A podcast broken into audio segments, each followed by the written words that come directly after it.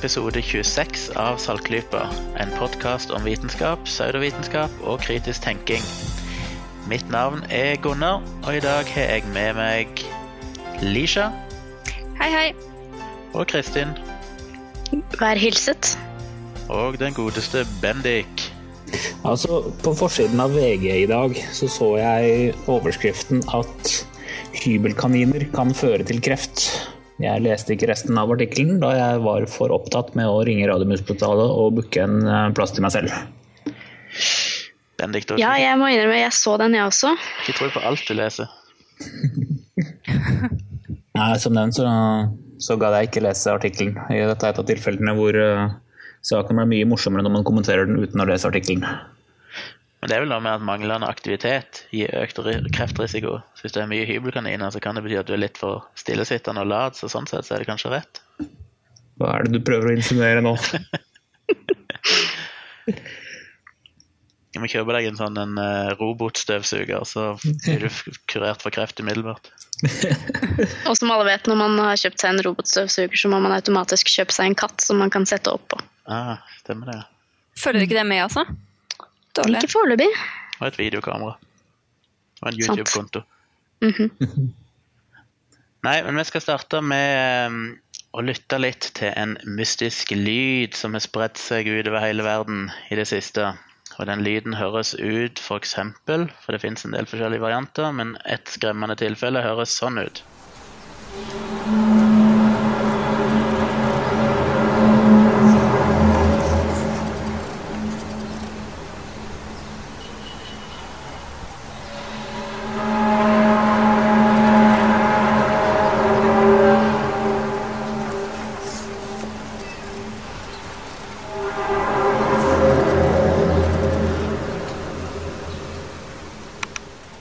Kristin, hva tror du at dette her er for noe? Jeg tror dette er noe forferdelig spennende. Jeg vet ikke. eh, Jeg vet ikke om dere har fått med dere dette her, men eh, det er eh, altså en rekke YouTube-videoer som selvfølgelig da har blitt lagt ut i det- siste, så vidt jeg kan se. Det er i hvert fall norske medier har tatt tak i det i det siste. Det var, jeg tror jeg leste det på en eh, sånn skeptikergruppe på Facebook, eh, hvor en la ut en link til nettavisen.no, som igjen da har uh, klippa av fra en eh, dansk artikkel, så vidt jeg skjønte. Hvor det er da et mystisk lydfenomen fra Kiev i Ukraina, eh, som noen da har tatt opp. Det er et sånt eh, Ja, det er sånn elleve minutter langt. Og når jeg ser folk diskutere dette her i, forumer og kommentarfelt og sånn, så er det eh, noen som, som prøver å finne ut hva dette kan være, da, og hvor plausibelt de forskjellige ting er. Eh, Noen sier at det nærmeste de syns det høres ut som, er et eller annet slags eh, sånn- noen bremsesystemer på biler eller nei, på, i vogner på et tog som har blitt da, hvor lyden har blitt senket veldig i pitch. Ehm, så, men alt fra helt plausible årsaker fra virkeligheten, som stresslyder fra store byggekraner eller innsiden av et skip, til litt mer høytsvevende forklaringer, som eh, erkeenglenes trompeter på dommedag, og selvfølgelig da gode gamle harp. Eh, for de som ikke måtte vite hva HARP er, så er det et forskningsprogram med formål å forske på forhold i ionosfæren. Uh, or at least that's what they want you to believe. Vi alle vet jo egentlig at harp er en jordskjelvgenerator. Eh, blant annet. Genererer litt av hvert, kan jeg tenke meg. Den har mange bruksområder. Ja, I det hele tatt. Skal man tro eh, alle forklaringene som er der ute, så er den veldig, eh, veldig allsidig, altså. En, eh, en annen forklaring er jo selvfølgelig, som også ikke er så veldig usannsynlig, er at hele greia er en utspekulert eh, fleip. En hoax. Eh, det er noen som har kanskje, Siden det er flere YouTube-videoer som lekker ut, da, så er det kanskje noen som har enten skaffet seg flere YouTube-kontoer eller flere medsammensvorne. Og noen som eh, har prøvd å komme med teorier bak det her, jo, mener at de kjenner igjen lyder fra filmer som de har sett, eller lignende, sånn som det her. Og, eller at de da som har feika disse klippene, har manipulert lyden litt og klippet den inn i det de har filmet. da. Eh, Jeg prøvde jo selvfølgelig å gå på snops.com, som er en av de første tingene jeg går for å finne ut av sånne legender og myter, og se om det, hva, hva, hva som kan ligge bak dette her. Da. Men siden det ser ut som det ikke er noe på Snop foreløpig, så at det er relativt nytt. En eh, annen ganske plausibel forklaring er at eh, de, driver, de har drevet i sommer og bygget en ny undergrunnsstasjon i Kiev. Så kanskje det kan være noen sånne tunnelsystemer som driver og knirker og ordner. Så det, det er selvfølgelig mange forklaringer. Eh, Men det er et lite problem da, med den siste jeg nevnte nå, er at eh, det meldes nemlig om den samme lyden i Odessa, som omtrent er en helt annen kant av landet. Og ikke bare det. Det er også YouTube-klipp fra Moskva og skal vi se, hvor var det? Var det i, i Et sted i Canada. ja, et sted i Canada, i Ontario, tror jeg det var. Og, og til og med Syd-Sverige og ting hvor lignende merkelige lyder har blitt hørt av. Det er selvfølgelig diskutabelt hvor like disse er, det er jo mye forskjellig, men de har da, i hvert fall i denne artikkelen har de blitt koblet til hverandre på, på en eller annen måte, da. Uh, det mest creepy jeg syns, da, som liksom får creep-alarmen mine til å ringe litt, er den derre på den eh, første videoen der, fra Kiev, eh, en dialog mellom eh, et mor og barnet hennes. da. Som ifølge den oversettelsen som var gitt, så går den dialogen følgende. Barnet sier Den lyden, det drypper på oss fra skyen, de vil skremme oss. Og så sier moren Hva, hva tror du at det er? Så sier ungen Ingen drypper på skyene, de er langt borte, de er skumle, jeg liker å se på dem under et mikroskop. Så sier moren du kan ikke se på lyden av et mikroskop. Og det er sånn, det er sånn, Først og fremst må jeg si at dette er sånne ting som jeg umiddelbart får sånne gode frysninger av. ikke sant? Syns det er så kult med sånne mysterier som det her. Du har sånn ting du ikke ser, men bare hører. Du har de her håndholdte amatørkameraene som rister litt. Og så har du den lille småcreepy replikken fra et lite barn. Det er sånn alt, alt sånne gode ingredienser som en sånn god skrekkfilm skal ha, syns jeg. Og da tenkte jeg selvfølgelig da med en gang på en tredje forklaring som er den jeg har lyst til å finne mer ut av, og som jo mer tiden går, vil vi jo faktisk få mer bevis for om det stemmer. Kan noen tenke seg, tenke seg hva det kan være? Jeg vil gjette på at du er på vei til et uh, forsøk på viral reklame for et eller annet ny film eller noe sånt noe. Ah, jeg syns det ligger en slags sånn der eh, JJ Abrams-vibe over hele greia, egentlig.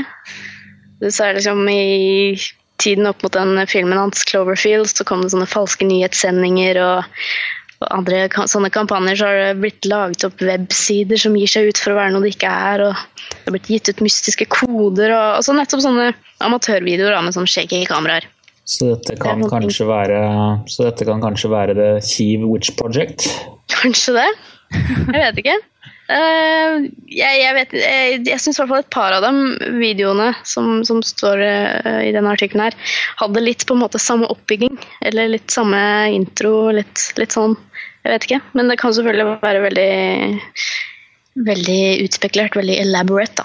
Det kan hende det er starten på markedsføring av en ny film eller et nytt dataspill. Det fine med den hypotesen er jo det vil vi jo se ettersom tiden går. Det kan jo være en ren tilfeldighet, tenker jeg, for jeg ser jo at den første videoen fra Kiev er lagt ut 11., eller iallfall filma 11.11. Nei, 11.11. 11. august, mener jeg, 2011. Ja. Og så kommer de andre etterpå. så tenker Hvis én legger ut en sånn video, eller det kommer et par videoer med en lyd som er skummel, så begynner plutselig folk i resten av verden å høre samme lyden, som egentlig sikkert alltid har vært der, for det kommer fra et eller annet byggefelt eller heiskran eller sånn løftekran eller et eller annet sånt, og så blir de plutselig oppmerksom på det, og så filmer de det, og så legger de det ut, og plutselig så sprer det seg et sånn hysteri, selv om det egentlig ikke er noe nytt fenomen. Det kan godt være det alltid har vært der hos alle. Jeg ser de andre videoene lagt ut etter den der Kiev-videoen, så kommer liksom de andre på rekke og rad noen dager og uker seinere. Så det kan jo tyde på et sånn slags uh, fenomen, da. Ja, Smitteeffekt. Det kan jo være at det ikke alltid har vært der heller, men at det, har, uh, det er noe bygging i nærheten, eller noe sånt, og de ville normalt ikke lagt merke til det, men så har de sett noe sprøtt på YouTube, og oh my god, det er det samme her. Uh, sånn at Smitteeffekten kan jo oppstå enten det er gammel eller ny lyd. Det er sikkert veldig mange steder hvor det er et eh, byggeplass. Jeg synes personlig at hvert fall noen av de videoene det høres ut som sånn lyd du får når eh, du har type sementrør eller noe sånt noe, som står i bakken og det vind blåser over dem. Da får du samme effekt som når du blåser i halsen på en flaske. Men selvfølgelig drøyt mye kraftigere, da, og med en mm. utrolig creepy lyd, hvis du ikke har hørt det. Det kan være også sånne eh, bøyelige plastrør. Hvis de bare ligger og slenger på en byggeplass, det kommer vind der, så kan det også lage en helt utrolig scary lyd. Og sånne ting vil jo Hvis man driver og bygger f.eks. noen hus, så vil det jo stå noen sånne rør. Det vil stå en stund. Og så vil de jo dekkes til når huset blir bygd, og så vil det være en periode hvor man har potensial for helt sprø lyd, som plutselig forsvinner. Og hva kan det skyldes? Men egentlig så er det en helt åpenbar forklaring. Eller Men aliens. Hvis du er bevisst på det, så spinner du mye rundt det. Det er det. Men eh, ja, frem til det så må man jo være flink skeptiker og holde både sinnet og mulighetene oppe, som jeg pleier å si. Kan diskutere den lyden her på eh, skepsis.no sitt diskusjonsforum. Det går en tråd om det der, så det kan vi jo linke til. Jeg tror nok vi skal anta at det har en veldig naturlig forklaring. Det er vel ikke noen grunn til å hoppe på disse litt mer mystiske forklaringene. eh, Ettersom det finnes ganske mange gode naturlige forklaringer. Jeg tenkte vi skulle hoppe over til en gladnyhet, faktisk. Som handler om noe som ikke er så fryktelig hyggelig og trivelig normalt. Og det er den sykdommen som heter polio. Eh, som i dag er relativt ukjent for oss, heldigvis. Polio er en forkortelse på sykdommen poliomyelitt, som er en uhelbredelig og smittsom sykdom som kommer fra dette polioviruset. Og De aller fleste som blir smitta, merker ikke noe til at de er smitta, men omtrent 10% blir syke, og rundt 1 eh, blir infisert eller opplever at sentralnervesystemet blir infisert. Og Da kan de både bli lamme, det er det vi ofte forbinder med polio, at folk er eh, lamme i hele eller deler av kroppen. Du kan òg få infeksjoner i hjernen som gir hjerneskader, og du kan selvfølgelig dø av det, spesielt hvis du blir lamma sånn at du ikke klarer å puste skikkelig. Og bare for å ta litt av historikken, altså første poliovaksiner ble utvikla midt på 50-tallet. Og det var en, en sånn sprøyteversjon, altså en vaksine som ble injisert og bestod av inaktiverte poliovirus. Så den kan du i utgangspunktet Den er helt trygg, for det virusene er døde, ødelagte. Men det krever at du sprøyter det inn, så det kan være litt krevende og ikke så lett å få distribuert. Derfor så ble det utvikla en vaksine i 1962 som var oral. Dvs. Si at du kunne bare rett og slett dryppe en dråpe i munnen på et barn, så er de vaksinert. Og Det gjør jo hele prosedyren ufattelig mye enklere og rimeligere å få spredd ut. Men denne orale vaksinen den består av såkalt svekka poliovirus. Dvs. Si de er ikke helt ødelagt eller døde. Sånn at hvis du er, har et svekka immunsystem, så kan du bli rett og slett smitta av polio ved å få den orale vaksinen. Noe som skjer en sjelden gang. Og Verdens helseorganisasjon bestemte seg i 1988 for at nå skal de utrydde polio fra verden. Som er en eh, fantastisk eh, kul målsetning, syns jeg. Det, vi har jo klart det én gang før. Er det noen som vet hva det var? Hvilken sykdom er det vi har klart å utrydde fra jordkloden? Kopper. Kopper, ja. Kopper er klart utryddet på når nå enn det var. Kopper er den eneste menneskesykdommen som vi har klart å utrydde. Så er det vel én sykdom til som jeg ikke husker navnet på, men som er en dyresykdom som ble utrydda, erklært utrydda nå for et par år siden eller noe sånt. Men vi er ikke så langt ifra å oppnå målet med polio. For det er i 1988 eh, så var det rundt 350 000 poliotilfeller registrert. I 2010 så var det sunket til 1288, som er en reduksjon på over 99,5% Og Tidligere så var det altså rundt 125 land der det var registrert ville poliovirus. Jeg sier ville poliovirus fordi du kan som sagt bli smitta av vaksinen sjøl. Men altså viruset ute i det ville eh, fantes i 125 land, og nå finnes det bare i fire land.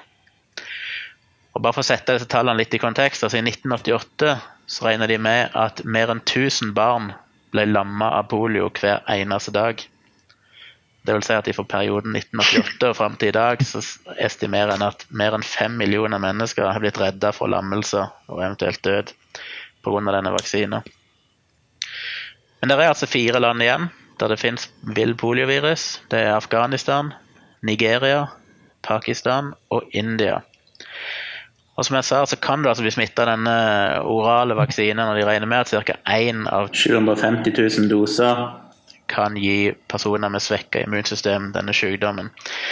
Og Det er jo utgangspunktet ikke noe stort problem hvis du opprettholder en god vaksinasjonsdekning. for Om en person da, som har et svekka immunsystem skulle bli smitta, så vil ikke det spre seg. fordi at de aller fleste andre da vil være vaksinert. Men den personen vil da få polio. Den personen vil få polio. Uh, det skal jo være en uhelbredelig sykdom, så det er jo kjedelig for han, eller hun, selvfølgelig. Men uh, sett i lys av det enorme problemet, altså en 99,5% reduksjon, så er det en risiko vi er villige til å, å, ta for å oppnå det målet. Og bare som et eksempel, Vi så jo Nigeria er jo et av de landene som har mest polio i dag. og Der var det nesten utrydda tidligere. Men så kom det religiøse ledere på banen i 2003 og erklærte at ja, denne poliovaksinen den var et middel fra Vesten for å spre sterilitet og kreft og hiv til afrikanere. Så derfor, så derfor for, eh, gjorde de vaksinen forbudt i 2003. Og Resultatet ble at polio blomstra opp igjen og spredde seg faktisk til hele 15 andre afrikanske land og en del utenfor Afrika. Heldigvis oppdaga de jo dette og fikk gjort noe med det, så allerede etter 11 måneder så ble dette forbudet oppheva, og de fikk satt i gang masse, massevaksinering igjen. Og polioen er under kontroll, men det er fortsatt altfor lav vaksinedekning i Nigeria, så det er et av de landene som er hardt ramma i dag. Så var det altså India, da, som er denne gladnyheten. For det har jo vært et av de fire landene der det faktisk finnes viltpoliovirus fortsatt. Enn så lenge, for det kan egentlig være at den utrydder India nå. I 2009 eh, så registrerte de 741 tilfeller av polio i India. I 2010 så var det redusert til 42. Og i 2011 så er det kun registrert ett eneste tilfelle, og det var tilbake i januar. Det vil si at det nå er gått en åtte-ni måneder uten at det var registrert noen poliotilfeller. Og Det er veldig veldig bra. Og Det er to indiske stater som heter Bihar og Uttar Pradesh, som har liksom vært de kjerneområdene der det var definitivt mest polio. Men ingen av de to statene har hatt polio nå på over et år. Og mye av grunnen til det, eller den absolutte hovedårsaken til det er at Uttar Pradesh har hatt over 98% vaksinasjonsdekning dekning har de oppnådd der i det siste. Og i Bihar så har de oppnådd over 95 Og et mål når de driver og vaksinerer, det er altså komme over 90% Så de har virkelig klart det i de områdene der, og vi har sett resultatene. I Pakistan, som er et av de andre landene der det fortsatt er polio, så har de bare klart omtrent 50 dekning, og det er rett ikke godt nok. De blir ikke da kvitt polioen på den måten. Så eh, polio finnes i en del forskjellige typer. Det ene heter type 1, og Det tilfellet i 2011 nå, det var et såkalt type 1-tilfelle. Og Der får ca. 1 av 200 som blir smitta, opplever da lammelser. Og Det er sånn du normalt oppdager at de har blitt smitta. Så Derfor kan en se det relativt fort. Er det noe smitte ute og gjenger, så vil du se det relativt fort. og Derfor så sier de at hvis, den, hvis det er gått mer enn seks måneder uten et type 1-tilfelle, så kan du anse den varianten som utrydda. Og I India så er det nå gått over ti måneder siden de har hatt noe type 1-tilfelle, så derfor kan en, blir det da egentlig regna som utrydda. Så er det en annen type som heter type 3, men den gir lammelser mye sjeldnere, bare ca. 1 av 2000 tilfeller. Derfor må de ha over 12 måneder uten smitte for å kunne anse den som utrydda. Og Sist gang noen hadde et type 3-tilfelle, det var i oktober 2010. Så nå er det jo rett rundt hjørnet før vi passerer en sånn tolvmånedersgrense der òg. Og de, ikke, de driver hele tida og tester vann og sånn, og de eh, har ikke sett noen type 3-virus i prøver tatt i kloakk i sånne høyrisikoområder på over 14 måneder. Så hvis ikke noen blir syke nå, så er det mye som tyder på at det heller ikke finnes noe av disse virusene i det ville.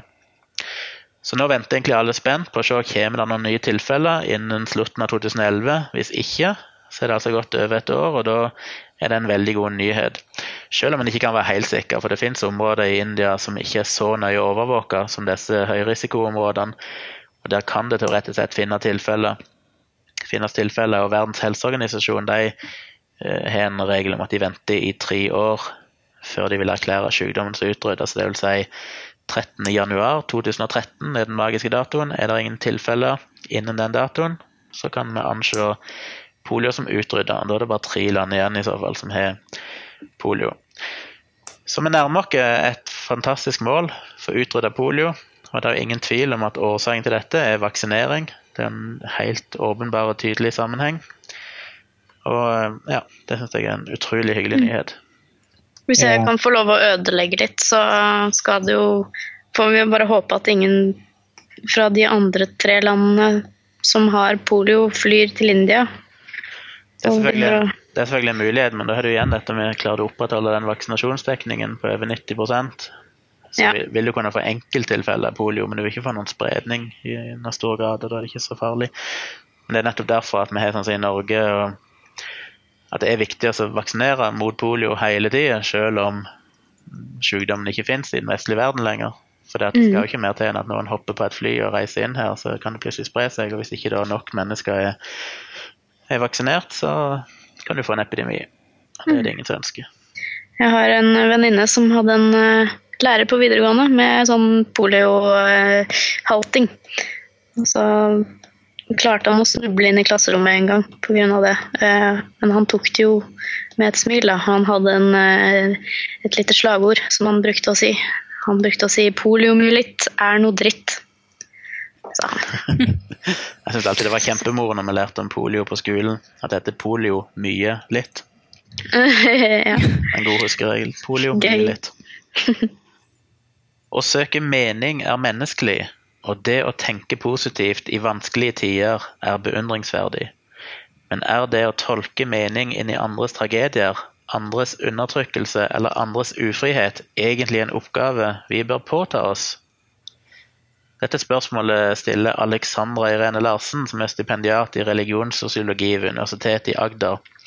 Hun har en eh, veldig interessant artikkel eh, som er lagt ut på Minerva, minervanett.no, som heter 'En passiviserende livsløgn'.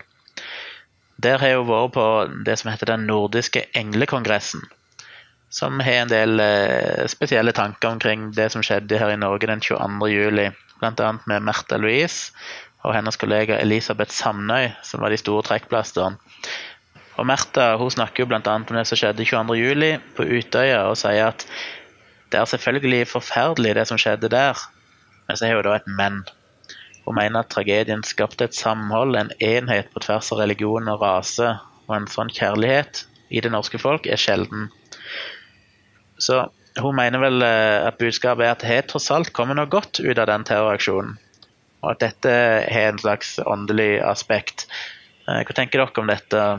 Ja, jeg synes at hvis man bare ser på helt konkret på det hun faktisk sa, altså prinsessen, så syns jeg hun har rett i det at reaksjonen på en sånn forferdelig hendelse var eh, veldig fin, hvis man kan bruke et sånt ord. Så folk samlet seg jo, og det ble jo en positiv eh, hva skal man si, en positiv strømning i folket ut av det.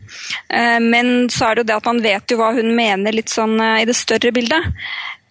Og da syns jeg det blir litt vanskelig å ta det helt inn over meg, for hva er det egentlig da hun og ikke minst hennes likesinnede mener? Er det at det finnes en mening i alt, og også at eh, på en måte vi kan være glad for at det hendte, for nå ble vi samlet i kjærlighet og alt dette her. Det er jo veldig lett å si når det ikke gjelder oss direkte. Ikke sant? Folk som mister barnet sitt, ja, men det styrker ekteskapet deres, f.eks. Som om da var det liksom bra at ungen døde eller forsvant. Det er jo så utrolig feil, og hvis man ikke selv er den som har mistet et barn, så har man virkelig ikke noe rett til å si noe om sånt. For eh, altså Märtha og Elisabeth mente jo selvfølgelig ikke det at eh, man skal opphøye terroristen til noe, noen som brakte noe godt med seg, men ifølge artikkelforfatteren så var det jo noen av deltakerne i den kongressen som eh, mente nettopp det, var det ikke det? Jo, så Ja, De kalte han et medium. Ja, Merte var relativt forsiktig, så jeg forsto fra artikkelen, men etter er andre der som sier at eh, det var en mening, eller det var mening at terroren skulle skje, fordi at denne terroren ville forandre mye til det bedre, og det gjelder all ondskap i verden. Dette er, ja, det er en mening at dette her må skje, det er noe vi må på en måte bare akseptere for å komme videre som mennesker. Jeg liker ikke denne trenden med predeterminismen som eh, går igjen her. At eh, allting er eh, planlagt og kontrollert av et eller annet Det minner om uh, favorittemaet vårt fra de siste forrige episodene, om konspirasjonene, ikke minst. Men her er det jo selvsagt en spirituell mening som, eh, som leder til alt, og som har, uh, kall det, kontroll på at uh, selv under en sånn terroraksjon som Utøya, så kom det noe godt ut av det. Ja, for det er også snakk om en verdensplan her, men det er vel på et høyere plan. en plan på et høyere plan. Men det henger jo sammen med hele den ideen som vi snakket litt om tidligere, om konspirasjonsteori, at ikke vi aksepterer tilfeldigheter i verden. Og, og det gjelder jo, ut fra den artikkelen her, så gjelder jo det Eller de, de snakker om det samme, enten det gjelder sykdom eller terror. Altså Det handler mm. om å ha den rette tanken, den rette kjærligheten. Ingenting som er tilfeldig, og du kan avverge det og sense at det kommer ikke sant, hvis du har de rette energiene og rette kraften. Og, og disse handlingene, terrorhandlingene kan være knytta til visse steder basert på karma. Og Det minner jo litt om, Jeg har skrevet bitte grann i bloggen om dette tidligere, om synske og astrologer som mener at de kunne forutse denne her terrorhandlingen. At dette tegner seg helt tydelig i stjernehimmelen og planetenes eh, posisjon. Men selvfølgelig så de ikke det før etter det var skjedd, da. som er ganske vanlig. Men det er en slags idé om at alt er predeterminert, og at eh, ja, det er kjærlighetsbudskapet. altså Vi ønsker jo alle mye kjærlighet, vi ønsker at folk skal være gode med hverandre, men de, de gjør kjærligheten til noe som ikke lenger på en måte er menneskelig, virker det som. Det er på en måte en slags abstrakt, uh, litt sånn åndelig greie som du må ha de spesielle ideene for å kunne ta del i, som er litt rart. Artikkelen uh, sier her, uh, når forfatteren prater med to gjester på denne messen, så sier de terroren vil forandre veldig mange til det bedre. Jeg spør om det gjelder all ondskap i verden, og de to deltakerne foran meg svarer bekreftende. Alt har en sammenheng, og alle er på rette plass i verden, også de som opplever ondskap og krig. Bente mente også at det var mulig å vare fare. Har man oppnådd den rette innsikt, vil man klare å unngå ondskapen i fremtiden. Ondskap kunne også være knyttet til et sted som en karmisk skjebne, men de rette personene kunne rette opp i disse ubalansene i energiene på stedet. Det der henger jo ikke på greip. For enten så er alt predeterminert, da kan man ikke gjøre noe med det. Eller så kan man føle at det kommer til å skje og forandre det, men du kan ikke få både i pose og sekk. Det syns jeg er eh, Hun har jo ikke innsikt engang i sin egen filosofi. Men det går igjen med alle, føler jeg, som enten det er astrologi eller om det er det kristne budskapet om at Gud kjenner alle dine dager du, før du er født. Men samtidig så er du fri vilje. Så det er både predeterminert, men samtidig så kan du gjøre valg sjøl om hvordan du vil styre dette. Så det, det henger liksom ikke på greip i det hele tatt. Det er en uransakelighet over det hele. En ting som dette får meg til å tenke på, er jo at uh, siden det primært er folk i den rike del av verden som sitter og fabulerer om dette her, uh, det er jo for meg så virker dette mest av alt som en måte å unngå å engasjere oss, rett og slett. Alt er predeterminert. De skal være fattige, de skal slite med ditt, de skal slite med det. Da trenger jo ikke jeg å anstrenge meg og lette ræva ut av min behagelige lenestol og faktisk gå ut og gjøre noe for å endre på verden, for alt er jo uansett sånn som det skal være. Så det er en veldig, som hun skriver, en veldig passifiserende måte å se på verden. Og en veldig fin unnskyldning til å rett og slett ikke løfte en finger for å bedre noen ting. Men Lisha, her har vi jo, her har vi jo mm, en bråte med folk som har nettopp fått rumpa si ut av sofaen og dratt på den nordiske englekongressen for å virkelig diskutere dette her. Ja, jeg føler ikke helt at det er å gjøre verden så veldig mye bedre. Jeg føler ikke at det er så aktiv uh, men hva om det var, hva om det var predeterminert at du skulle gjøre noe, da? Ja, da ville du gjort det. sånn at Hvis du ikke gidder å løfte en finger, så er det jo fordi det er predeterminert. Nå begynner jeg å få litt vondt i hodet av dette her. Ja, også. du føler ikke vibrasjonene? Nei. Det er det jeg alltid føler er problemet når de snakker om uh, dette med frivillig og predeterminisme. Mm. Det er sånn Å ja, hvis, det alt er, hvis alt man hadde bestemt på forhånd, så er det ikke noe vits i å straffe en morder for å drepe noen, for da er jo på en måte det allerede bestemt. Men problemet er jo bare at mhm. hvis vi straffer han, så er jo det òg bestemt allerede. Så det er jo ikke et valg, vi kan ikke ta et valg om å straffe eller ikke, basert på det. For det valget vil jo være predeterminert. Så det blir jo på en måte ikke tenke tanken helt fullt ut. Men det som virkelig irriterer meg med dette, her, det er at det tar vekk det der menneskelige aspektet. At det, det gjør oss mindre som mennesker. For der plutselig er det ikke vi lenger. Det, altså det er ikke vår bevisste reaksjon på det som skjedde. Det at vi valgte sånn, et kjærlighetsbudskap istedenfor hevn. Det er på en måte ikke noe vi får kreditt for som mennesker. For det er ikke noe, det er ikke noe bevisste valg ifølge disse englefolkene.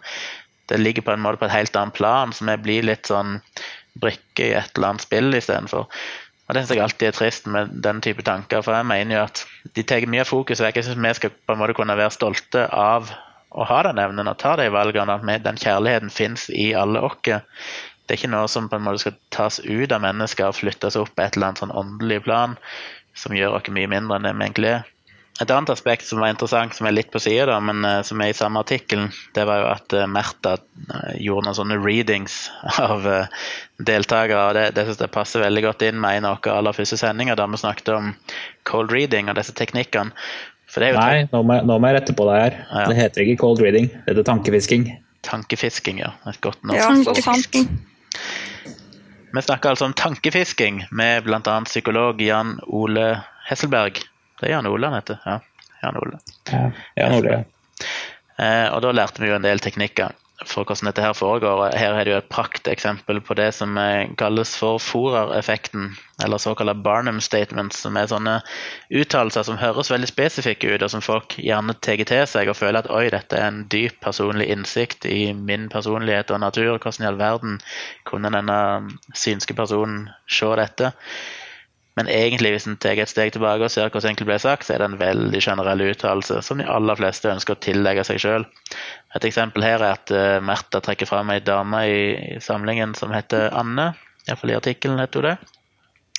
Og Da sier hun til Anne at Anne er en person som lar folk tråkke på seg, og at hun er litt vanskelig med å sette grenser for seg sjøl.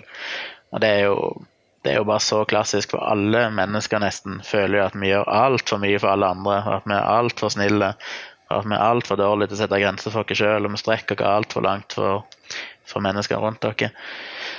Men det gjelder jo alle. Alle vil kjenne seg igjen i den setningen. Og når hun slenger ut en sånn generell greie, så føler jo Anne at dette treffer henne. Eller i dette tilfellet så følte hun faktisk at det ikke traff henne. Hun følte ikke at det stemte. Men eh, normalt så er det en sånn setning som de fleste vil ta inn over seg og føle at treffer, selv om det er en veldig veldig generell statement. Så her bruker jo da vår alles kjære Märtha Louise cold reading og disse teknikkene for fullt i sin eh, praksis. Og ifra englekongress skal vi over til en annen kongress som eh, dere etter hvert eh, begynner å forstå, så var jo altså Bendik og Marit på The Amazing Meeting i Las Vegas i juli og møtte en del eh, spennende folk. I dag skal vi få et intervju med den godeste Philip Plate, eller Phil Plate, som vi kjenner han som. Han er jo kjent som The Bad Astronomer. Han er en amerikansk astronom og driver et nettsted eller blogg som heter badastronomy.com, som jeg absolutt anbefaler folk å følge. Han legger ut veldig, veldig mye interessant stoff. Han eh, har gitt ut to bøker. Den første heter Bad Astronomy. Den har jeg lest. Veldig veldig bra. Anbefales. Tar for seg mange myter, som f.eks. at vi aldri landa på månen, og masse andre sånne astronomirelaterte saker og ting. Og så kom han for ikke så lenge siden med ei bok som heter Death from the Skies, som jeg sjøl ikke har lest. Har noen av dere lest den? Ja, det har den til og med signert, selvsagt. Siden jeg selvsagt. har jo tilbrakt masse tid sammen med mannen. Eh, den handler om eh, alle ja, ja, ja. ja, show off, show off. Den eh, handler om Undertittelen på boken er 'These are the ways the world will end'. Så den handler om alle de forskjellige måtene som verdensrommet virkelig prøver iherdig og innbitt på å drepe oss alle sammen. Spennende. Og I 2010 så annonserte han at han har begynt å spille inn en miniserie i tre deler for Discovery Channel som skal hete Phil Plates Bad Universe. Den uh, gikk på Discovery i England i august, tror jeg. Den bare uh, gikk ganske stille forbi. Jeg tror ikke den uh, ble sendt på norsk Discovery. Den alle tre, de tre episodene som har blitt laget hittil, har blitt vist på amerikansk Discovery. Ok. Da er det bare å vente om han dukker opp. Vi kan håpe at den kommer på norsk eh, etter hvert, ja. Det er som en uh, ja, Mythbusters med litt mer eh, science. Så Bendik og Marit har altså tatt seg en prat med Phil Blate, og da hørtes det sånn ut.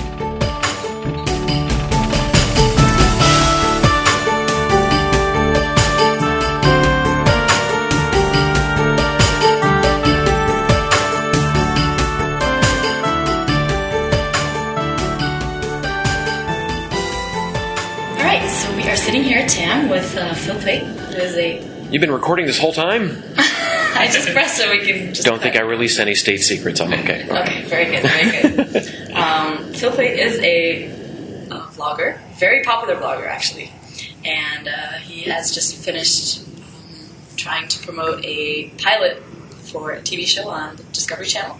A failed pilot. That's how I call it. It's what I call it. Yeah. now? no, it's it's more complicated than that, but I don't think it's going to be picked up as a series. Yeah. All right, but it was still very exciting. Well, thank you. Um, you've also written two excellent books, um, one called Bad Astronomy and one called Death from the Skies. And uh, previously, you were the president of the JREF. These are all true things, Good. good. except for maybe the adjectives, but everything you said is correct. Very good. Uh, first, we wanted to ask you, uh, since your uh, website is called Bad Astronomy, why is astronomy so awesome? It just is. it's, a, it's an inherent uh, aspect of the science itself. Yeah. So it's a tautology. Um, I, I, I don't I don't have that answer as just why. Here's why astronomy is so fantastic. But I think there are several reasons. One is that it's just it's beautiful, right? You see these Hubble images or images from telescopes in South America or, or wherever, and they're just they're spectacular. They're beautiful, high art. The colors, the textures, uh, uh, just the way just the way they look, and they're just beautiful. So it's a very visually appealing science, and that's good. And if you look at a lot of the other sciences that are you know, honestly just as interesting, biology and, and zoology and geology, a lot of the times the, the pictures aren't as aesthetically pleasing. And I'm not saying they're not cool. I'm not saying they're not really, you know, oh, that's really neat. It's just that there is something about a picture of a star forming nebula that is just so beautiful. And I think that engages the public. Um, and so that may be why astronomy enjoys a better media presence than some of these other sciences, even though there may be more people studying those sciences and they have more of an impact on people's lives. It's unfair. That's too bad. Um, also, uh, astronomy um, among the sciences enjoys a position of philosophy that maybe some of the other sciences don't, except for physics. And, and where physics talks about some of these philosophical questions, it tends to overlap with astronomy. How did the universe begin? How did it end? How, why are we here? Is, is this all there is? Is there life out in the universe? You know, these can all be categorized as astronomy in, in some way in astronomy, uh, astronomical terms. And so I think it appeals to people both visually as well as intellectually. And, and that, that's why it's so awesome. Yeah, because we noticed that like everybody loves astronomy. I mean, even the Norwegian newspapers can carry astronomical uh, headlines Mhm. now and then, and, but they rarely do geological uh, headlines. Right, and I love I love geology. It's my if I weren't an astronomer, I think that's what I'd study.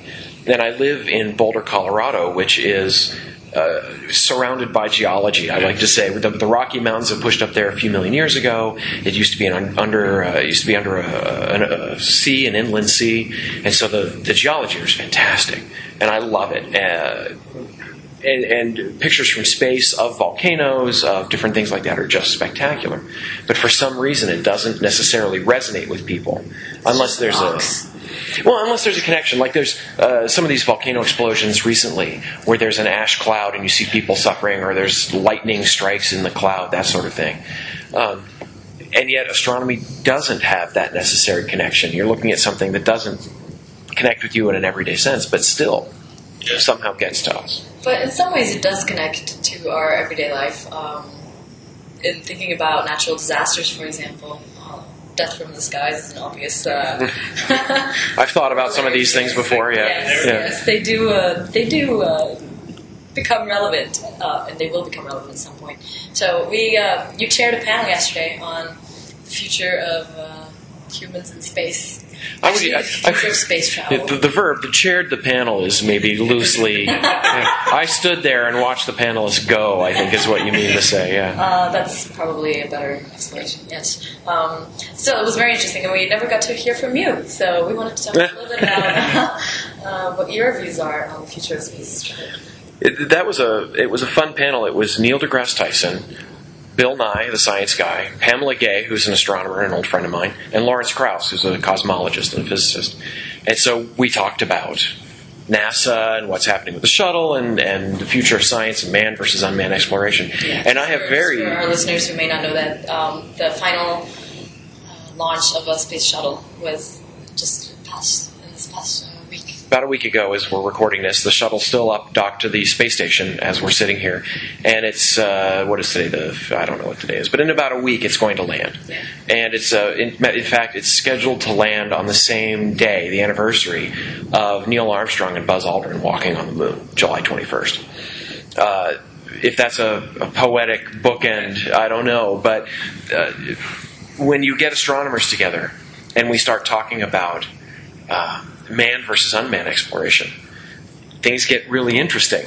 Because, first of all, a lot of the media are saying this is the end of the space program, and that's wrong. It's not the end of the. That's so ridiculous to say something like that. First of all, it's just the end of the shuttle. NASA has had more than one rocket program. They stopped building Saturn V's back in the 1970s. So, uh, uh, you know, that wasn't the end of the space program. That the shuttle will replace it. Right now, NASA does not have a rocket system to replace the shuttle. They're working on it. They had one. They canceled it because it was over budget and behind schedule but they're working on some new ideas now.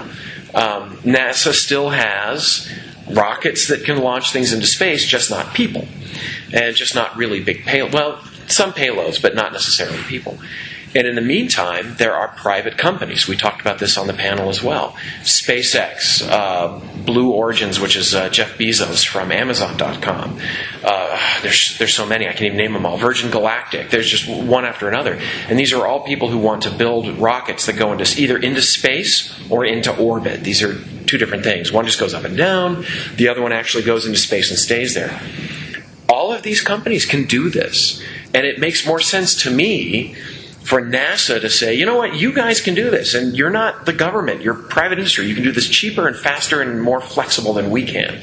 So we'll buy your rockets. And in fact, SpaceX is building a huge rocket called the Falcon Heavy, which has um, something like twice the, the payload of the shuttle. It can take 50 tons to orbit, which is crazy, and do it for roughly a tenth of the cost of the shuttle. So NASA would be insane not to buy space on those rockets instead of building their own system to do that. Um, and when it comes to taking people into space, that's a different story. And NASA needs to be able to innovate. They should always be looking at the next big thing. And once they've done it, once they've said, here's how we do it, hand it off to somebody else, because that's what the government should be doing. Uh, not paying people to lift supplies to the space station for a billion dollars when it can be done for a fraction of that price by private companies. So I'm actually, in a sense, I'm almost happy the way things are right now. I, I fear for a lot of things because NASA's budget's being cut. And I kind of wish they were developing the next big type of rocket system, and they will be soon. Um, but in the meantime, I think that private private industry can can pick up that slack. Have you heard about the uh, Copenhagen suborbital? Yes. Um, now they had a uh, what was the state of the art on that? They, They- had a launch about a month ago. They had a test launch about a month ago. Yeah. They got off the pad, but it didn't go up very high. Is that right? yeah, it went up like three kilometers, I think.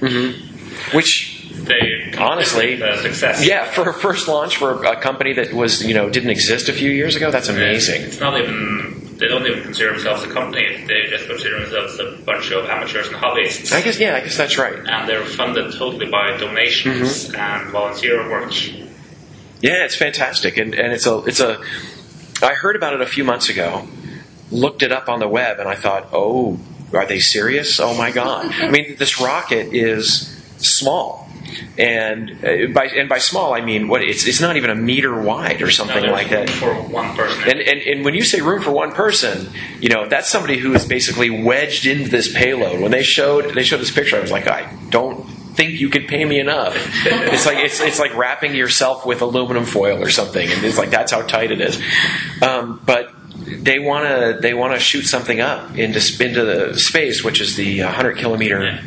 limit above the Earth. That's sort of the recognized limit of space. yeah, that's their goal to shoot a man up there and return him safely. And only and only uh, one company has done this so far, and that's Virgin Galactic. Besides, I mean, NASA and, and big space agencies, uh, nobody has nobody's actually gotten that high up.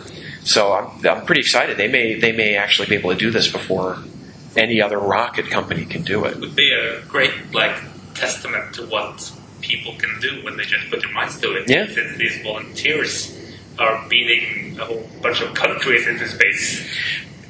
That part of space program Yes. will be run by volunteers. That's It- strange thoughts. An advantage of people getting together and doing this is that you don't have a huge administration telling you what you can and can't do. You don't have government regulations saying, you know, wiring has to be this way and all this kind of stuff. So they can just do it. I remember when SpaceX launched their first test, they had a, an abort. They had a problem. And I thought, oh, well, that's that, you know, I, and I went to lunch. And I came back and, and they launch it. It's like, what? You can't do that. It takes a whole day. And I was like, oh, NASA takes a whole day, you know, to figure out what happened. They have to uh, do open panels and do all this kind of stuff. Like, no, these guys, they went, oh, it was this. It was just a gauge or something. They fixed it and they launched. Yeah. Wow. Like, that's what I used to read about when I was a kid, you know, seat of your pants engineering. Um, so that, to me, that's amazing.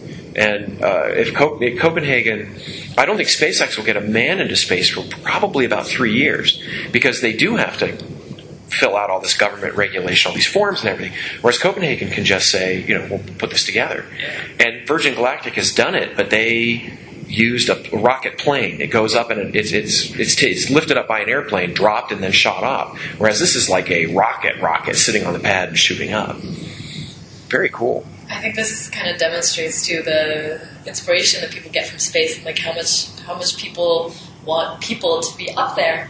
Um, so how do you feel about the whole manned unmanned? thing? Yeah. 'Cause, yeah. It was an interesting discussion on the panel yesterday, and that's uh, years ago.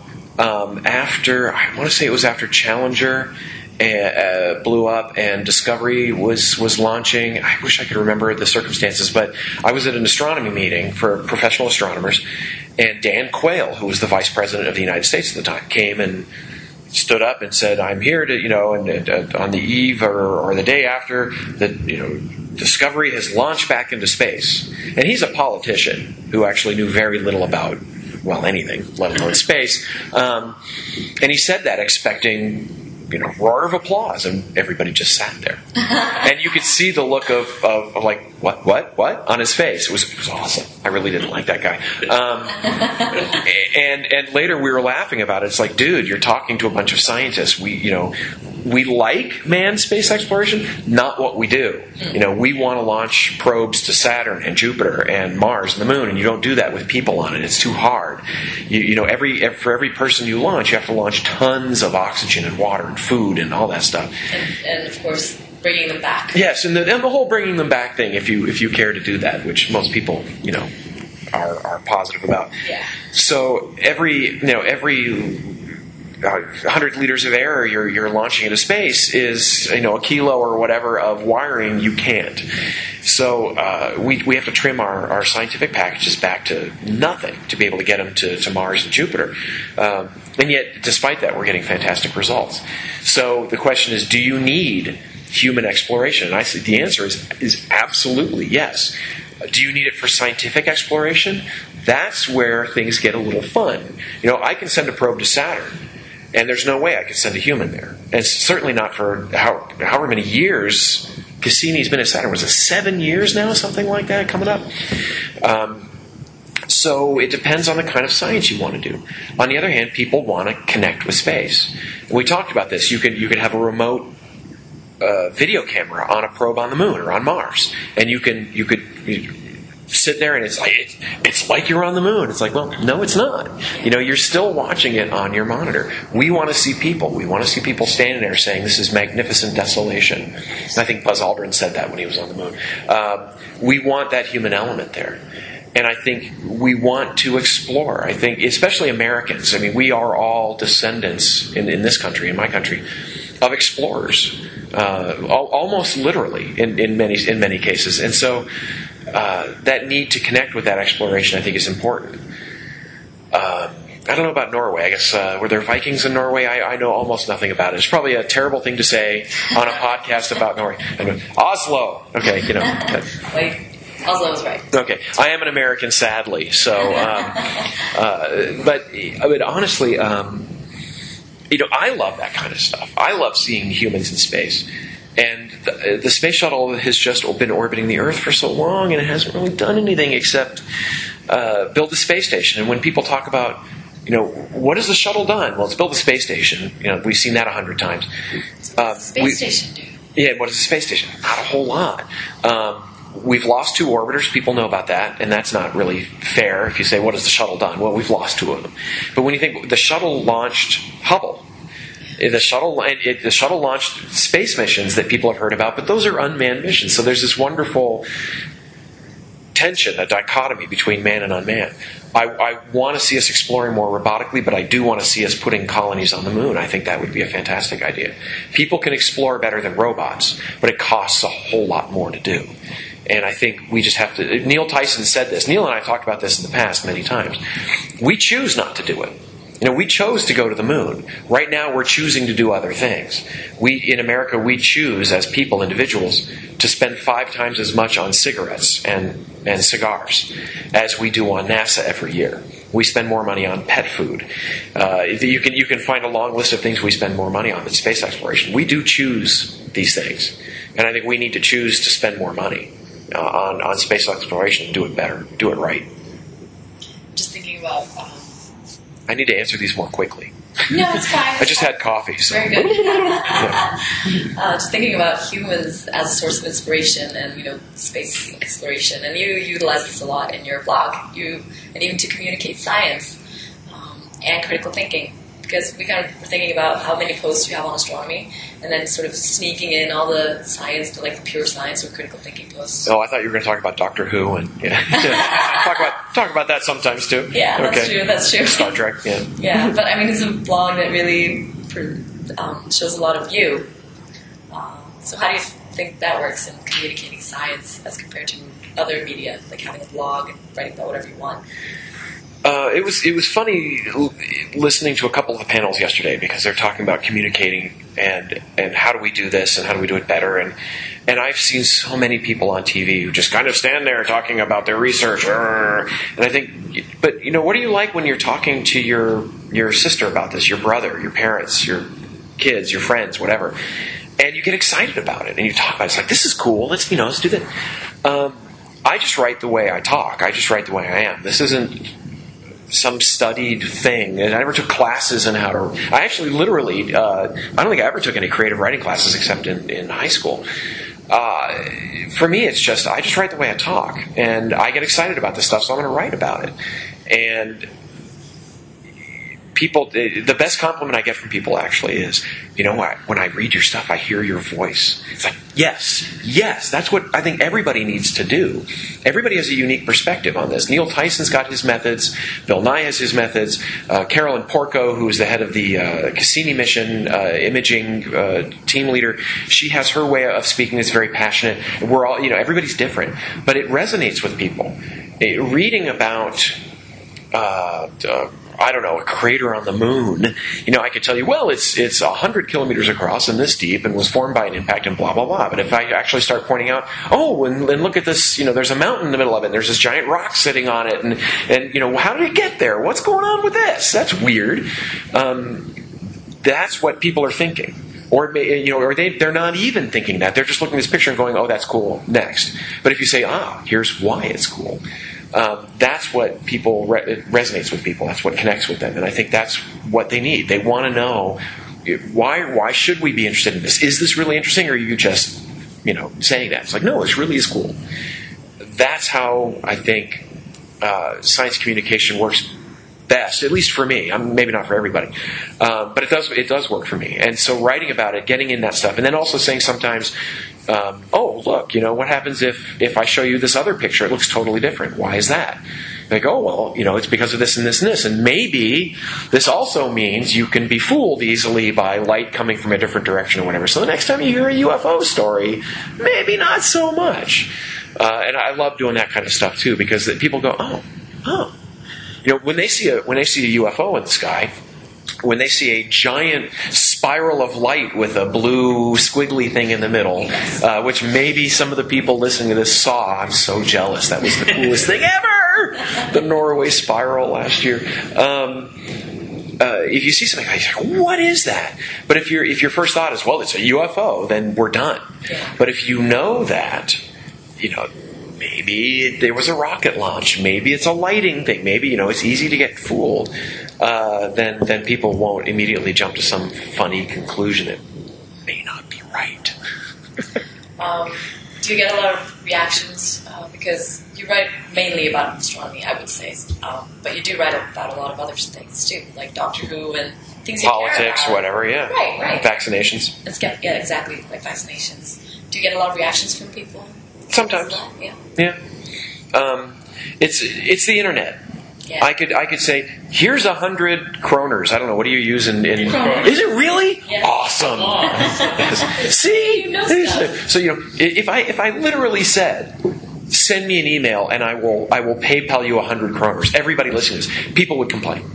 They would say, "Oh, I don't, you know, my email's down."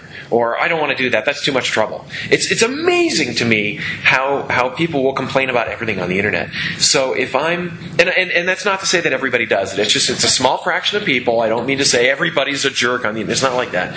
It's just it's funny the reactions you get from people. Most people love it but they're quiet about it. They just read, you know, if, if I write a blog post and they like it, they read it, it's like, oh, cool, and they move on. I know this for a fact because if I have an astronomy picture of Saturn or something and it gets 150 comments, which is nice, however, that page might have had 20,000 views. Yeah. So 20,000 people saw it, maybe, maybe more, depending on how they saw it. It could be twice that. But only 100 left comments or something like this. So clearly, people have to be motivated to leave comments, whether they really love it or they have something to say or they hate it. So there's a, an effect there, a bias.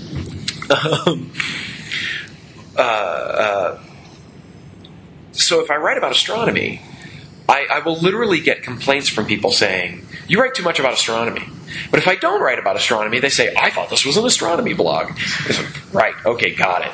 If I write about, it's a blog. yeah, if I write about um, politics, I get people saying, a lot of times they'll say, Oh, you're an idiot. You know, when you, you're great when you talk about astronomy. When you talk about politics, you're an idiot. It's like, really? Am I an idiot, or do you just disagree with me? It's like I can disagree with you and not be stupid. However, just because we disagree doesn't mean I'm wrong. It's possible, it's possible that you're wrong, but you're invested in this idea. Uh, and, and that always that always makes me laugh when people tell me, "Oh, you shouldn't write about politics." Like, really? My blog. Going to write about what I want to write about. If I want to post a picture like I did today of a cloud, I can do that. That I took out of my window. It's my blog. Um, and so I, it does it does not matter what I write about. I will get complaints. I I don't ignore it because sometimes people have legitimate complaints. They have something that is like, oh, you know what? They're right. I said something wrong here. I should fix it. Or, ooh, I didn't think about that. That's an interesting take on this. Um, but when people just are like, ah, ah, screw you. I'm, I'm done with them. So I just I'm still going to write about what I want to write about, and the magazine's fine with that. So I, they support me really well. That's good. Kind of reminds me, you know, just being a jerk on the internet. Um, your talk last year. I don't know what you mean. Yes. Yeah. I just figured we of bring it up. Uh, it's called "Don't Be a Dick," and for anyone who hasn't seen it, they should probably look at it because it's That- still actually the talk of the town. That talk was actually called the goals of skepticism. Yes. but uh, somehow, uh, because I may have actually said "don't be a dick," uh, that, that's what everybody calls it. So I don't, I, I, I don't have a problem with that. That's actually from Wil Wheaton, who played Wesley Crusher on Star Trek, but is now actually becoming more well known as a as a blogger and, and, and a, a, a really nice guy. And that's his motto. He just he's just like, "Don't be a dick" on the internet and it, just in life. But it seems like a, a good rule. It does. Uh, so maybe you could talk a little bit about some of the reactions you got from that talk. And the kerfuffle that followed, if you're not too sick of it. Uh, no, I'm not. It's just every time I think of it, it's just. um, you'd think telling people to be a little nicer wouldn't be controversial, but it turns out it turns out it was, and I and I knew it would be actually. I'm, I'm a lot of um, a lot of the time. And, and this is it's, it's this is true in skepticism, but it's true in life as well. When you when you have an opinion and somebody else has a different opinion, um, you want to think you're right and they're wrong, but they're thinking exactly the same thing for whatever reasons. And it's it, when you're invested in an idea, when this is an idea you've had for a long time, it becomes a part of you. Um, when somebody comes up to you and says, "You know, I was thinking about what you said about." Acupuncture. I'm not sure what pseudoscience might be big in Norway right now. Um, A lot of Acupuncture. but acu- acupuncture um, or homeopathy or whatever. And you say, you know what, it turns out the evidence isn't true. That person may not take that news very well. The first thing they're going to do is defend it. Every, nobody thinks they're stupid. Nobody thinks that they're easily fooled. So, of course, they're going to feel like you're attacking them. You're not. You're, you're, you're kind of saying this idea is incorrect. But people self identify with their ideas. So, it, it, I've, I've read studies about this, social psychologists talk about this. If you're going to try to talk to somebody about an idea, you can't just come running up to them and say, You're wrong and here's why. That will not work. And in fact, the vast majority of the time we'll make them dig in, We'll make them actually defend this idea and, and believe in it more strongly. Um, and I, as a skeptic and as an outreach person, I'm as guilty of this as everybody else. And when I write about vaccinations and saying no, vaccines do not cause autism, and they, you know, and polio is coming back and pertussis is coming back, and we need to fight the Andrew Wakefields and the Jenny McCarthy's. This is all true. But recently, I found that when I start talking about parents who have had to suffer through their kids getting pertussis, parents who have lost infants, infants who have died from vaccine preventable diseases, those blog posts really get comments. People, and I get email, and I hear from all kinds of groups and everything, and I realize, oh, Instead of attacking people, I can say, look, here's a human story. This is really awful. And this is what happens if we don't vaccinate. We need to do this. So clearly, um, the, the, attacks aren't working very well. the, the, the people are digging in so it, it, just it came, it came clear to me, especially over the past few months before that TAM talk, I was seeing a huge amount of arguing. People being people just getting meaner and meaner on the on the blogs and the comments on podcasts, um, using calling people names, and I thought this is really um, getting to be bad. It's it's it's just it's just icky. It's, it's, at some level, we have to be better than this. If we are right, we shouldn't have to necessarily resort to these kind of tactics. Why not take the high road? Why not, instead of yelling at somebody and saying they're stupid or religious people are retarded, which I heard many times? And, and, and again, nothing necessarily specific on the web, or you just see this all everywhere. It's like air. You know, it's, it's all around you all the time. Um, why not be a little bit nicer? Why not actually talk to people, connect with them? um, we exclude a lot of people from skepticism.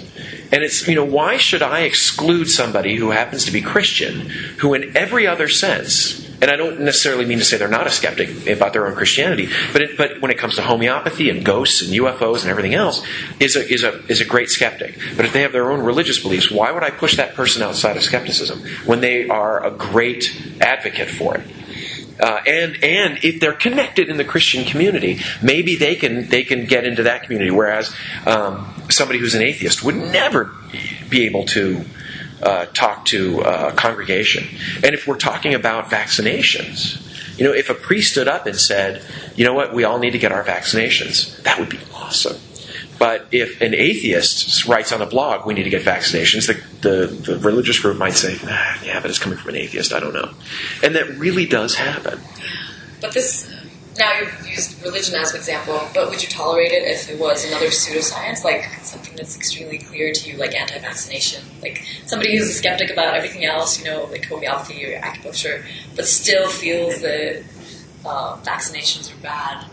Would you that's a that's a very perceptive question, and I've been thinking about that recently because it occurred to me that um, uh, that that if, if a rabid anti-vaxxer was saying, "Well, UFOs," you know, I want to talk about, I want to come to TAM and talk about what you know my study into UFOs.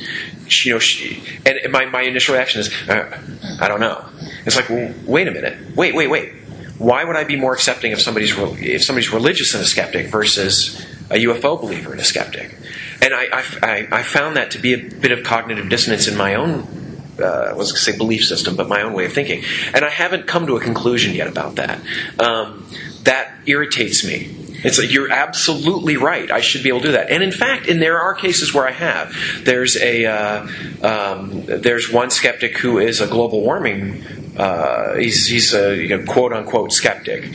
I don't think there are global warming skeptics. I think there are deniers. But um, he doesn't think global warming is real. But he but he does uh, he does great uh, debunking of another aspect of skepticism. And so you know I, I, I, welcome when he does that. When he does talks about global warming, he's, he's full of it. So you know whatever.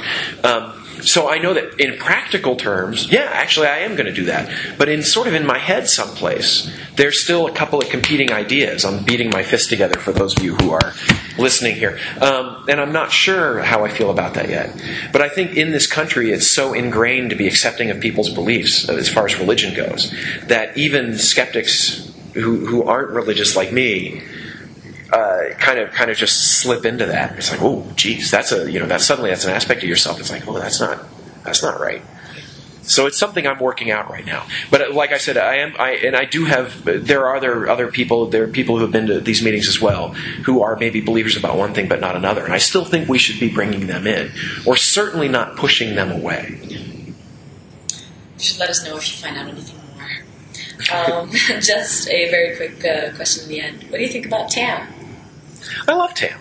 This is my eleventh TAM. Yeah, because there's TAM one through nine. We had an, we had TAM five point five in between five and six, so that makes ten. And I went to TAM London, so yeah, eleven. Um, these uh, these are fantastic. It's so much fun to go to these every year. It's uh, some people call them like it's like a tent revival, uh, which is a big American thing where the, the, the religious people get together and, and renew their, their their belief and faith.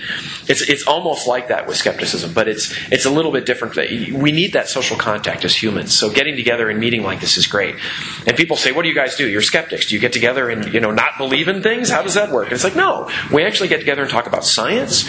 We talk about. Uh, the latest whatever nonsense is out there. Sometimes it's not the latest nonsense. Sometimes it's old nonsense, but it's something we still have to deal with.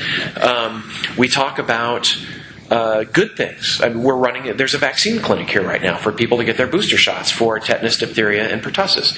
When I um, there was a panel discussion about that, I walked out and there was a line 50 people long for people to get their shots. People were waiting patiently in line for like an hour to get stuck with a needle. How awesome is that? That's awesome. Uh, and and it, it, again, it's just the contact. I have friends here I only see in July in Las Vegas uh, friends I've seen every year now since 2003. And I have some of my best friends in the world are people I've met at these meetings. And we met at, well, we met at, um, uh, we met in New York. In New York, but that was a party uh, that was being thrown by the New England skeptics, uh, the New York skeptics, excuse me. Um, and uh, so, so there you go. And, and so we've known each other for a couple of years. Yeah that's how this works. You meet like-minded people, and you know you get along with you. You don't get along with some, you do, and you meet you make friends and whatever. But it's it's it's a, an annual get-together of people with uh, like-minded interests who want to support science and reality, and I, you know it doesn't get much better than that. Just really quick to go back to some uh, astronomy, just a really quick one at the end here. Neil uh, deGrasse Tyson said he wanted to go to Europa. Mm-hmm. Where do you want to go? I think he said he wanted to send a probe to Europa. I think going there personally might might pose some difficulties. It's very cold. It's the moon of Jupiter. Um, I don't know. I don't know. Um, I, I'd like to see a lunar eclipse while standing on the moon to watch the Earth block the sun. We have pictures of this from space, and I can't imagine how gorgeous that must be to see the sun sparkling through the Earth's atmosphere and then getting blocked. And you're seeing every sunset and every sunrise on the Earth at the same time. Like that's kind of a cool thing. Um, I'd love to see Saturn's rings up close. I'd like to see a, a, binary star where the two stars are so close they're actually exchanging gas. Uh, I kind of know what that would look like, but I can't imagine, you know, but to actually see it. A lot of objects up close wouldn't look that interesting. If you were in a nebula, in a gas cloud, you would hardly even see it. It's spread out all over the sky, it would be very faint. But a lot of these objects up close would be spectacular. Um, and so, uh, if, if, somebody said you you can do one of these, I would probably have a coronary. I'd just drop dead. I wouldn't be able to choose. I want everything. I want to be on the moon. I want to see sunrise on Mercury. I want to see, you know, I want to I want to be on a moon of Saturn. I guess that wouldn't work. I'd like to be, I guess, in orbit around a moon on Saturn and to see Saturn rise over the horizon. If you were standing on these moons, they're all tidally locked to Saturn, so it never rises or sets. But to actually be able to see Saturn rise over the horizon uh, can you imagine what that would look like? And it would look just like it does through the telescopes. When I show people Saturn through a telescope, they don't believe it's real. They're like, that's a picture. It's like Saturn is one of the very few objects in the entire sky that looks exactly like it does from a book. And when you see it for yourself, it's magnificent. And so to be able to see that up close would be, yeah, that would be fantastic. I think that's a really good note to end on. Uh, I think everyone's feeling really inspired right now. Everyone's looking at the Super Astronomy pictures. So thank you very much for your time. All right, thank you. Thank you.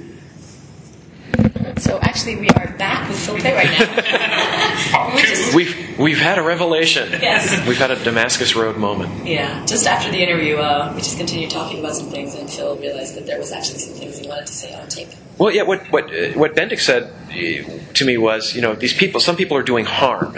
When you're talking about trying to bring more people into the into the fold of skepticism, and, and I'm I'm more accepting of maybe religious people than than otherwise.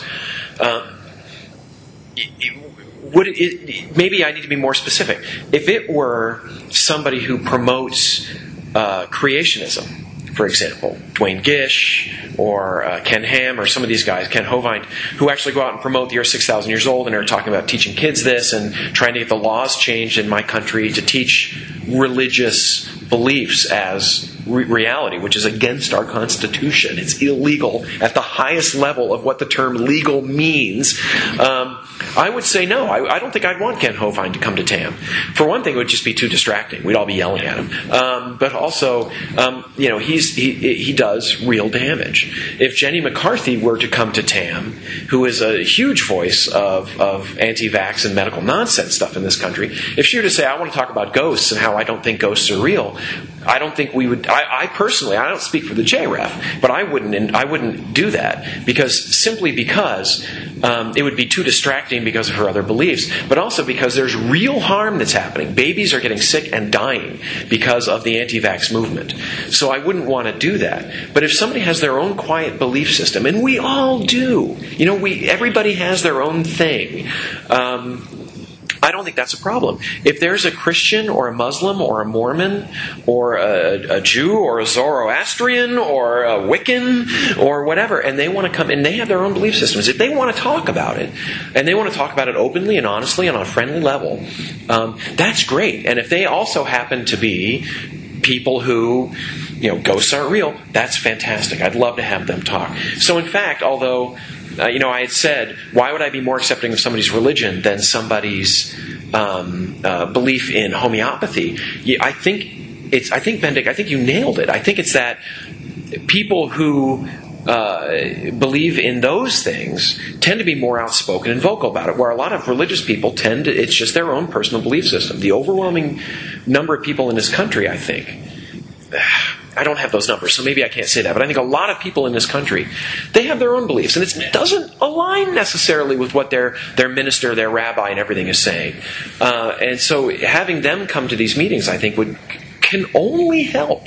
And in fact, I'll, I'll add that Barry Lynn is a reverend, and he is also the director of the uh, Americans United for Separation of Church and State, an extremely important organization here that makes sure that um, laws do not get made with religious, uh, um, I was going to say undertones, but with religious implications. You can't make a law that can teach creationism in, in, in, the school. And, and Barry actually fights for that sort of thing. He wants to keep church and state separate. And as a matter of fact, he makes a good case that says it's better for both this way. It's better for the church because the church gets too involved with government. Um, things can get things get very bad. I mean, that, that's when you start talking about the Taliban.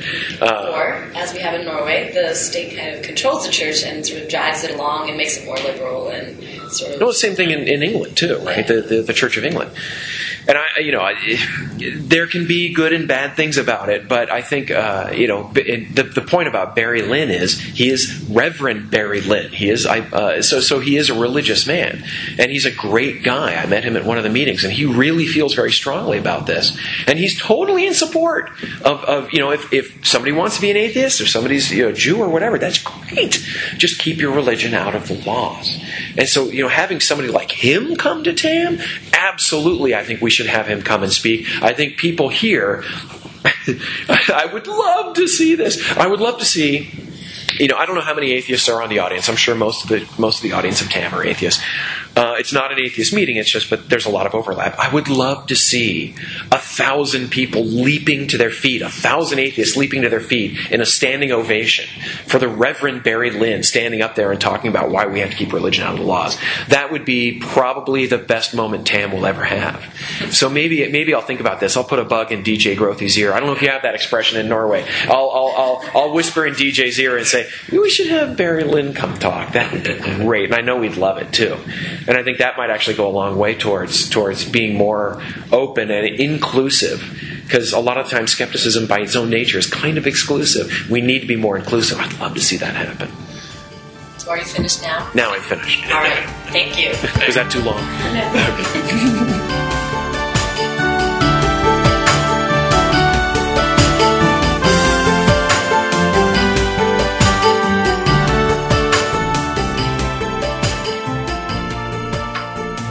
Denne episodens anbefaling er noe så ekstremt merkverdig som en rosa blogg. Kristin? Ja. ja, vi må jo vi må jo utvide horisontene litt, eh, vi som påstår at vi skal være så åpensinnede. Og denne ukens anbefaling er en, eh, altså en blogg eh, som heter Sunniva Rosa. Det er eh, også navnet hennes. Eh, hun er doktorgradsstipendiat i kjernefysikk ved Universitetet i Oslo. Eh, og hun har valgt å eh, blogge om det hun eh, driver med, i innpakningen til en rosa blogg. Jeg syns det var helt fullstendig genialt. Taglinen til bloggen hennes er 'om kjernefysikk og forskning og sånn'. Og det er med liksom glitresignaturer og sånne avstemninger om hvilken kjernepartikkel som er kulest. Og rett og slett Neutrino, bare neutrino, neutrino. Ja, hun, hun hadde dessverre ikke med den. Som, og dessuten så vant Protone. Men eh, og, og selvfølgelig da forteller hun også hard facts om kjernefysikk og det hun forsker på. og sånn. Det- Jeg syns det er helt fantastisk. Og det er rosa skrift og hjerter og supert. Det er selvfølgelig mye ironi i det hele. Jeg syns det var en skikkelig kul nisje, så jeg syns alle skal gå inn på den. Det syns jeg òg. Vi legger ut link til den. Og med det så Det er dagens eh, sending eh, ferdig. Jeg vil bare si takk for meg. Så får dere si takk for dere akkurat nå. Takk for meg. For dere. Takk. Ha det.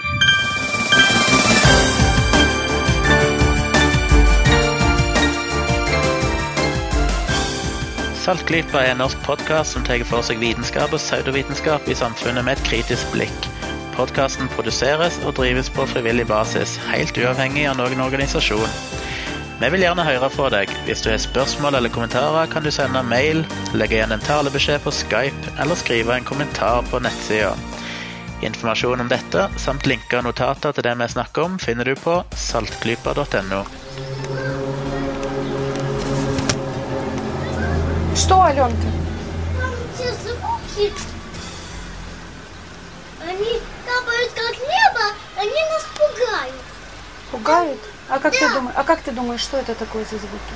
Знаю, они капают на небе, они далеко. Там они страшные. Я хочу их посмотреть в микроскоп. Такие Ален, звуки в микроскоп не посмотришь. А микробы? Микробы есть?